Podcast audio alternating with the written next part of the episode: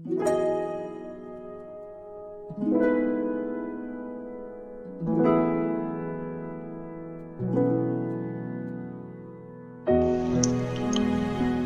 Lovers yang terkasih, salam jumpa kembali dengan Romo Joko dalam Pungta hari ini, Kamis Pekan Khusus Advent.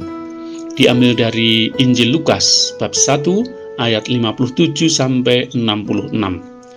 Renungan kita berjudul Gatut Koco Lahir.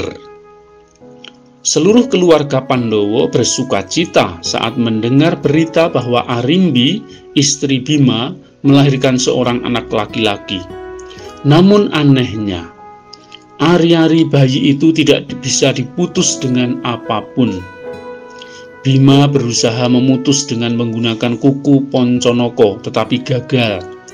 Arjuno dengan menggunakan keris kolonadah juga gagal. Bahkan Kresno dengan memakai senjata cokro juga tidak mempan.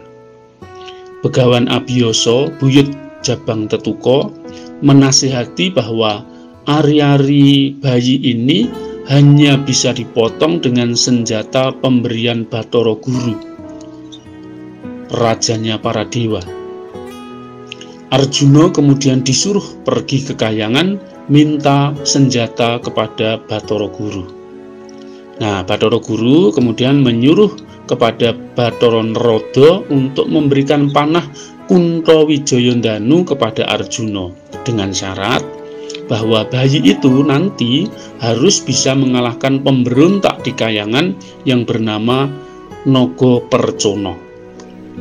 Ternyata Batoro Narodo keliru memberikan panah itu. Seharusnya diberikan kepada Arjuno, tetapi diberikan kepada Karno Basuseno. Waktu itu Karno menyamar sebagai Arjuno. Lalu Arjuno harus berperang untuk merebut panah itu. Ketika mereka sedang berebutan, Arjuno hanya mendapatkan wadahnya atau warongkonya.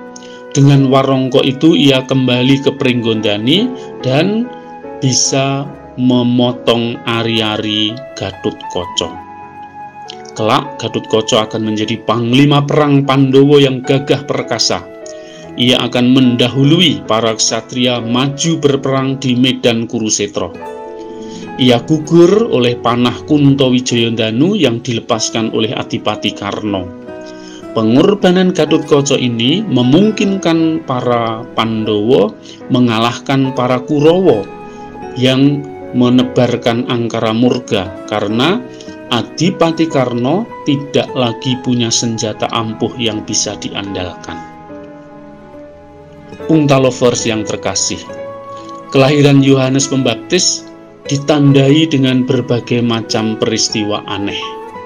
Ayahnya Sakaria dihukum oleh malaikat sakit bisu. Ibunya hamil pada masa tua Nama bayi itu bukan Sakaria seperti ayahnya, melainkan Yohanes. Ini tidak lazim seperti tradisi masyarakat Yahudi pada waktu itu. Setelah memberi nama Yohanes, tiba-tiba Sakaria bisa berbicara dan memuji Allah. Semua orang heran hingga peristiwa itu menjadi buah bibir di tengah masyarakat karena banyak hal aneh yang mereka alami. Semua orang yang mendengarnya merenungkan dan berkata, "Menjadi apakah anak ini nanti?" Sebab tangan Tuhan menyertai dia. Kelahiran tokoh penting dalam sejarah sering diawali dengan tanda-tanda yang menggambarkan keistimewaan pribadi itu. Yohanes akan menjadi pembuka jalan bagi sang juru selamat. Ia akan menjadi nabi besar bagi Israel tangan Tuhan selalu menyertai dia dan seluruh karyanya. Ia akan menyiapkan jalan bagi kedatangan Sang Almasih. Dalam cerita wayang tadi, Gatut Koco adalah pembuka jalan bagi para seniornya untuk berjuang mengalahkan angkara murka.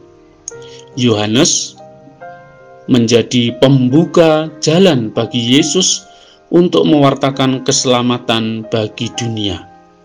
Mari kita siapkan hati kita agar Tuhan datang untuk mengalahkan dosa-dosa kita.